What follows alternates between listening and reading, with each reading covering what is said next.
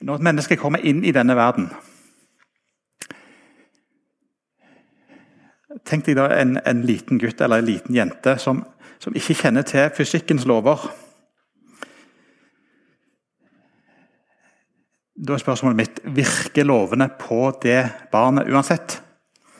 Selvfølgelig gjør det det. Hvis du går inn i trafostasjonen her på Stokkeland og tar på de strømførende delen der, så er du i trøbbel fordi du utfordrer de elektromagnetiske lovene. Likevel så er det mange mennesker som tror at de kan bli født inn i denne verden uten å ta hensyn til de lovene som Gud styrer etter. De åndelige lovene. Og Denne loven som jeg skal snakke om i kveld, den har Jesus klart og tydelig slått fast i Matteus 23, vers 12. Og Jesus sier den som opphøyer seg sjøl, skal fornedres. Og den som fornedrer seg sjøl, skal bli opphøya. Hva var den første synden i universet? Det var en strålende engel som ville fravriste Gud tronen i universet. Denne engelens navn var Lucifer. Og Pga. dette opprøret så ble han kasta ut fra Guds nærvær. Etter det fikk han et nytt navn. Det er Satan, motstanderen. Det var den første synden i universet. Og det fikk enorme følger. Så skapte Gud mennesket.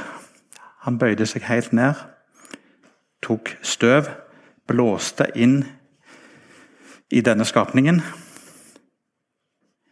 Og du skulle tenke at da var alt grunnlag for stolthet luka vekk. Dessverre så ble mennesket bedratt av Satan og begikk den samme synd som han hadde gjort seg skyldig i. Og ble kasta ut fra Guds nærvær. Men Gud hadde en plan.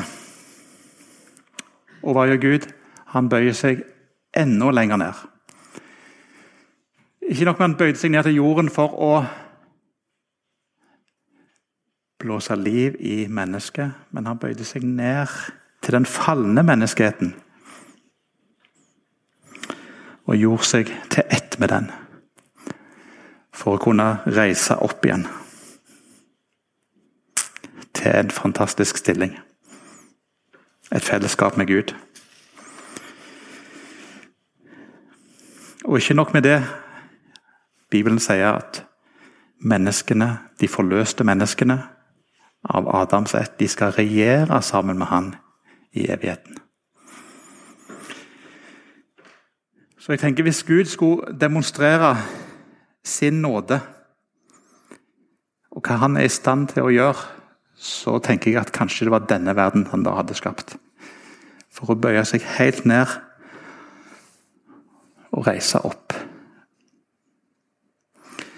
Så vi ser at det temaet som vi er inne på i dag, det, det strekker seg utenfor den tida som vi lever i. Ut, utenfor tid og rom, eh, på sett og vis. Det var fra evighet, gikk inn i tiden, skal vare når denne tidsalderen er slutt.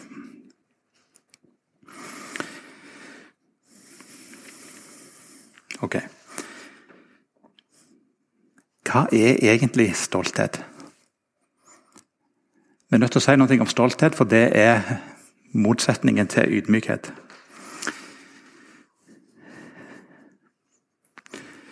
I byens en slanges skikkelse så kom vår motstander til Eva og sa Gud vet at på den dagen dere spiser av dette treet, skal dere få åpne øynene. Og dere skal bli sånn som Gud, og dere skal kjenne godt og ondt.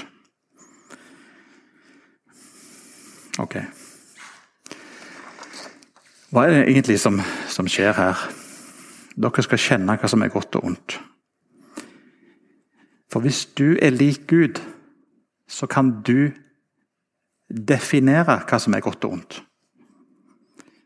Du kan bestemme hva som er godt og ondt, hvis du er Gud. Og det er jo egentlig det djevelen lokker med her.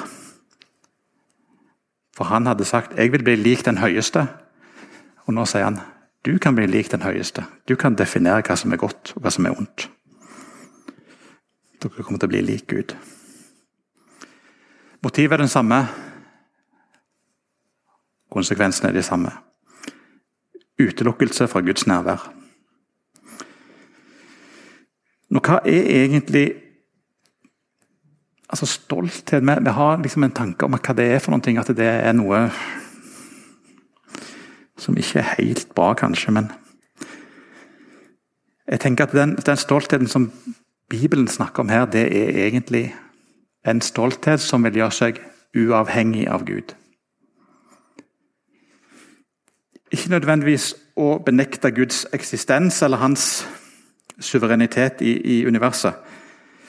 Men de, Adam og Eva, ok, hvis vi kjenner forskjellen på godt og vondt, så kan vi klare oss uten Gud. Vi bare definerer en tilværelse og bare forholder oss ikke til Gud. Motstanderen antyder hør her, dere har et mye høyere potensial enn det som Gud har gitt dere. Nå er det på tide å innta det potensialet og bli lik Gud. Så Sakens kjerne med stoltheten det er uavhengighet av Gud. Derfor, sånn som Bibelen definerer det, så er ethvert liv som leves i uavhengighet av Gud, det er motivert av stolthet. Så hvis du gikk på gata her og spurte en tilfeldig forbipasserende er du stolt, så ville kanskje de fleste si nei, jeg oppfatter meg ikke som stolt. Men lever du som om Gud ikke fantes. Da er egentlig det skjulte motivet her stolthet. I Lukas 12 så forteller Jesus en, en, lignelse om en mann. og Vi har sikkert de fleste av oss hørt den. Men hør, hør denne historien nå, og med det bakteppet som, er, som stoltheten er. Lignelsen som Jesus forteller i Lukas 12, den er sånn. Et rikt menneske hadde en eiendom som ga stor avling. Han tenkte med seg selv og sa, Hva skal jeg gjøre, siden jeg ikke har plass til å lagre hele avlingen min? Han sa, Dette vil jeg gjøre. Jeg vil rive ned låvene mine og bygge en større. Og der vil jeg lagre hele avlingen min og alt jeg eier. Så vil jeg si til min sjel, Sjel, du har mye godt lagret for mange år. Slå deg til ro, spis, drikk og vær glad. Har du noen gang hørt noen mennesker som uttaler seg noenlunde likt denne mannen? Jeg, jeg, tenker at det er veldig mange mennesker i, i vårt samfunn de, de lever sånn. Og kanskje er han ansett for en veldig respektabel samfunnsborger. Han gjorde jo bare det som var klokt. Han bestyrte avlingen sin godt. Når han så at ågeren var for liten, nei, ikke ågeren, men låven, så rev han den ned og bygde en større. Det var fornuftig. Kanskje han kunne vært en helt uh, vanlig kirkegjenger i en menighet. Du er en god mann. Du er en klok og fornuftig mann.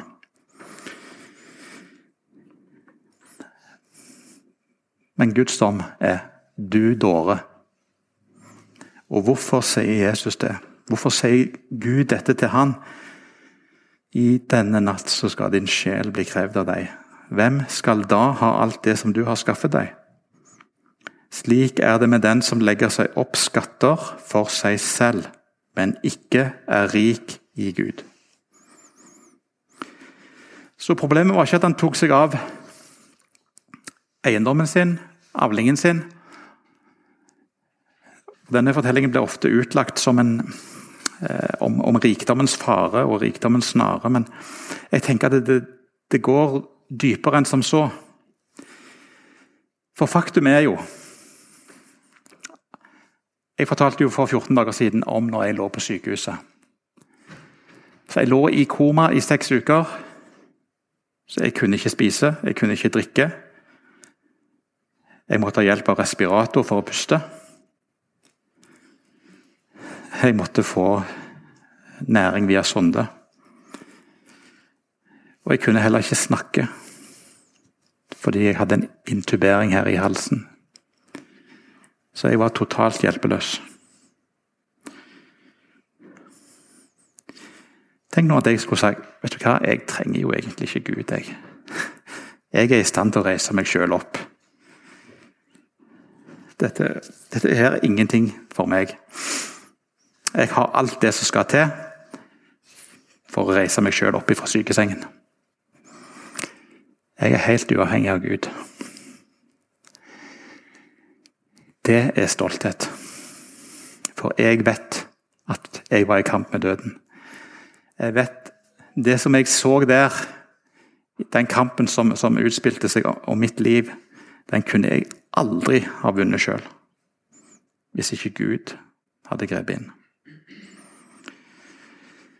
Og det er så Når jeg våkna fra koma og oppdaget at jeg kunne ikke snakke heller, jeg kunne så vidt skrive noen ting på et, eh, på et tablå som jeg fikk der, og for å kommunisere med omverdenen. Så kommer min, min kone på besøk en ettermiddag, og så har hun fått et ord fra Gud, fra Jesaja 41. Og Der står det om Abraham, min etling, min venn.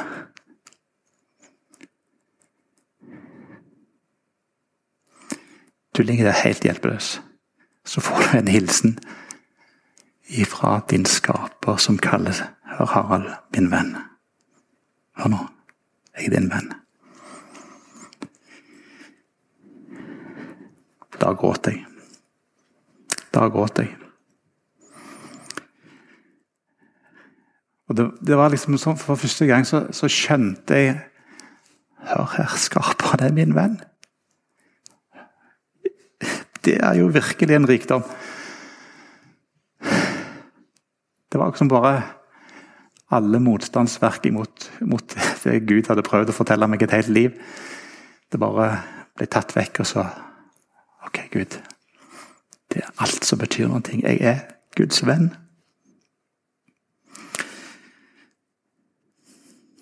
For faktum er jo at vi er jo avhengig av Gud for vårt neste pust. Alt det som du har fått og jeg har fått, det har du fått av Gud. Vi er helt avhengig av Gud for absolutt alt. Hvis Gud bestemte seg for å avslutte den tidsalderen i morgen, så hadde ikke vi et eneste ord vi skulle sagt.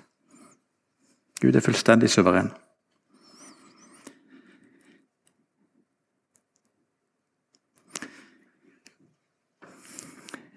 Bibelen kaller i Jakobs brev kapittel 4 for hovmod og skryt for ondskap.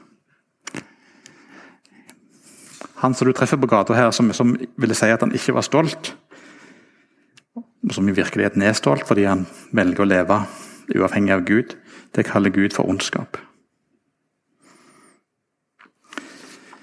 For alt som er i denne verden, kjødets lyst og øynenes lyst, og stolthet over livets goder, er ikke av Faderen,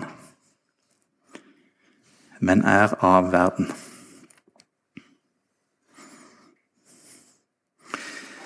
Det er stolthetens vesen.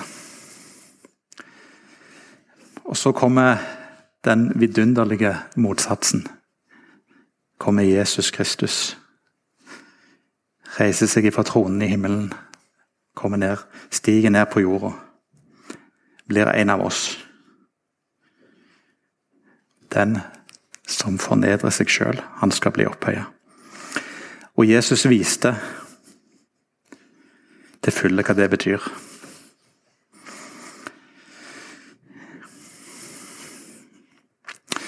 Paulus satt på et tidspunkt i et fengsel og skrev et brev til menigheten i Filippi. Paulus var lært av Jesus sjøl. Så de prinsippene som han anvendte i sitt eget liv, det hadde han lært av Jesus. Og så bryter han ut i en eh, et fantastisk eh, En uttalelse, et utsagn, en, en sannhet som han Som begynner med 'La dette sinn være i dere'. La dette sinn være i dere. Har du lagt merke til hvor mange ganger i Bibelen som det begynner med sinnet? Det begynner med måten du tenker på. Og så sier han i Filipperne 2, vers 5-8. La dette sinnet være i dere, som også var i Kristus Jesus. Han som var i Guds skikkelse. Han holdt det ikke for et tilranet gode å være lik Gud, men han uttømte seg selv, tok på seg en tjenerskikkelse og kom i menneskers likhet. Og da han i sin framtreden var funnet som et menneske, fornedret han seg selv og ble lydig til døden, ja, til døden på korset. Jesus uttømte alt unntatt kjærligheten, har salmedikteren Charles Wesley skrevet. Han uttømte alt unntatt kjærligheten. Og endte opp som en forbryter på et kors. Så står det at Jesus ga avkall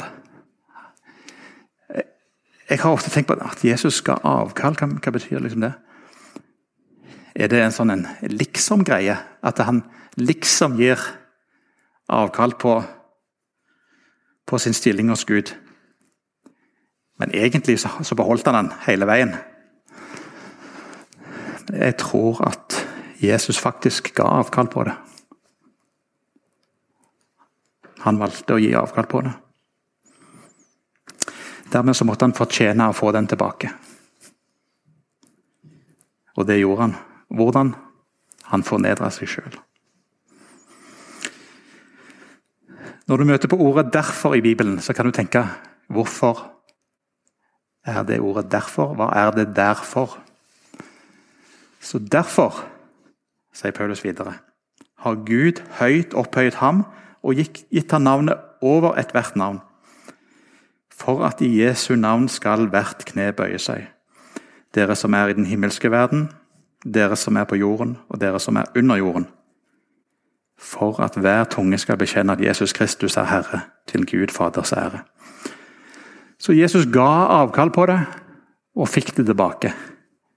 Ved å fornedre seg. Ved å ydmyke seg.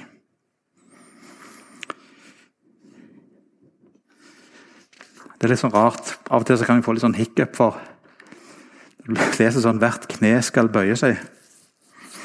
Så det er liksom sånn, Neste gang du ser et kne, så tenker jeg ok, en gang skal det kne bøye seg for Kristus.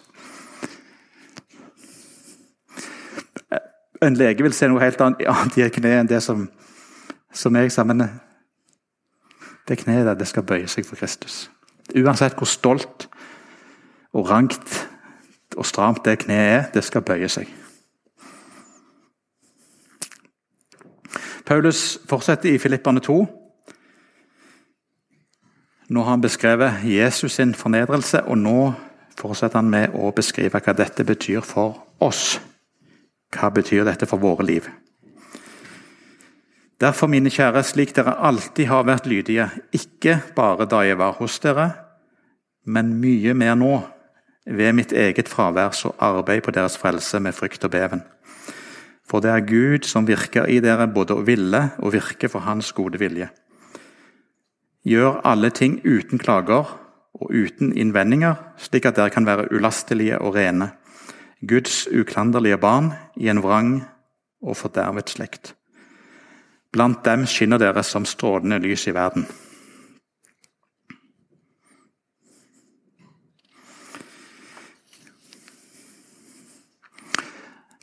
Paulus viser tre konsekvenser av ydmykhet. For det første vær lydige. Ikke bare vær lydig når jeg er hos dere, men vær lydig òg når jeg er fraværende. Har du tenkt på det at et stolt menneske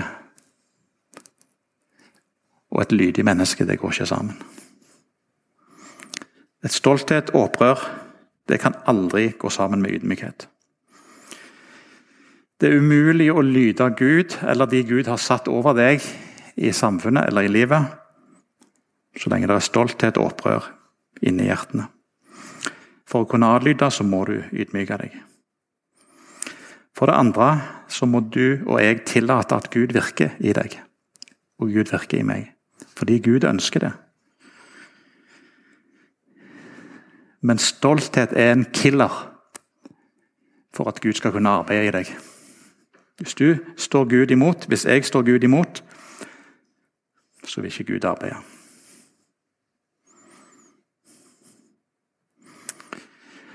Og Vi tenker kanskje på ydmykhet. Det er noe sånn, litt sånn litt sånn lavt, på en måte. Det er ikke noe sånn som naturlig blir tiltrukket av. Men Paul sier at eh, konsekvensen av å ydmyke seg over Gud, den er så nydelig. Blant dem skinner dere som strålende lys i verden, står det. Derfor, et menneske som ydmyker seg for Gud, vil skinne i denne verden. Kanskje ikke med fremragende prestasjoner. Kanskje ikke med enorme intellektuelle evner. Men du skinner fordi det å ydmyke seg, det er i sannhet noe som skiller seg ut. Et ydmykt menneske, det skiller seg ut. Og Gud sier at det, da lyser du i denne verden. Det er mye som eh, fanger blikket vårt. og Mange sier at eh, tingene blir kanskje mørkere nå for tiden. i den tida vi lever i. Det er mye vondt som skjer.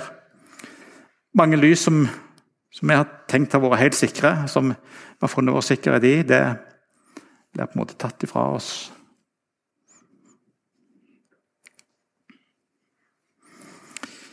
Men sånn som jeg på bønnemøtet ba her før vi begynte, at desto mørkere natten er, jo klarere skinner jo lyset.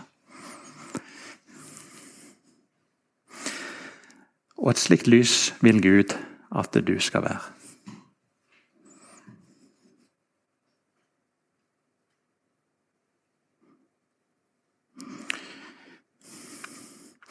En annen ting er Det står om Moses at han var den mest ydmyke mannen som levde på jorden. Og Utenom Jesus Kristus er det kanskje ikke noen mann som har utøvd en sånn åndelig autoritet som Moses. Bare tenk på alt det Gud gjorde gjennom den mannen. Igjen så ser du mønsteret. Å ydmyke seg for Gud gir deg større autoritet i den åndelige verden.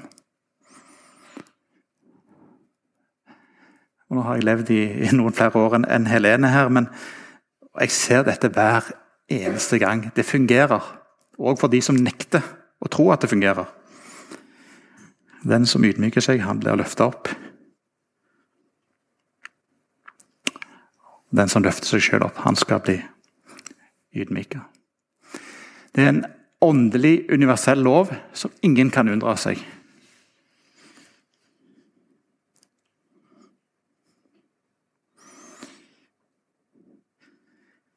Men du kan skinne som et lys i natten, i en mørk verden. Og Bibelen sier klart det er når du ydmyker deg for Gud. Og Det betyr ikke at uh, du unnskylder deg for at du er den du er, eller noe sånt. Men du erkjenner sannheten, at du er avhengig av Gud. Jeg er helt avhengig av Gud for å kunne stå her og si det som jeg sier nå. Jeg var helt avhengig av Gud for å bli reist opp fra sykesengen. Det hadde bare aldri skjedd med min egen kraft og min egen styrke.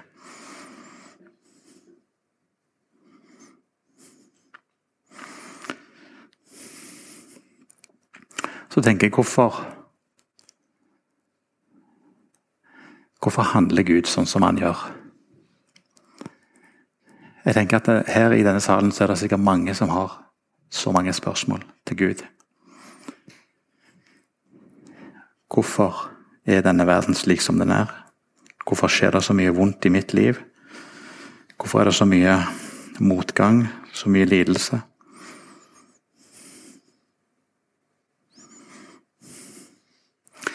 Nå tenker jeg det er lurt å erkjenne at det er sånn.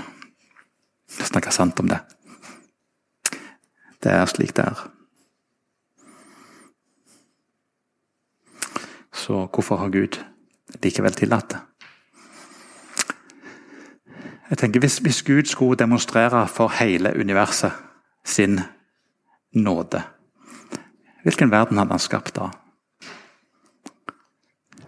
Ville det ikke nettopp være den verden som vi lever i? At Gud tar et menneske som er totalt utslått, avskrevet av alle, verdiløst i andre menneskers øyne, og kanskje også i sine egne øyne. Og så løfter han det opp til å regjere sammen med Kristus i all evighet. How about that?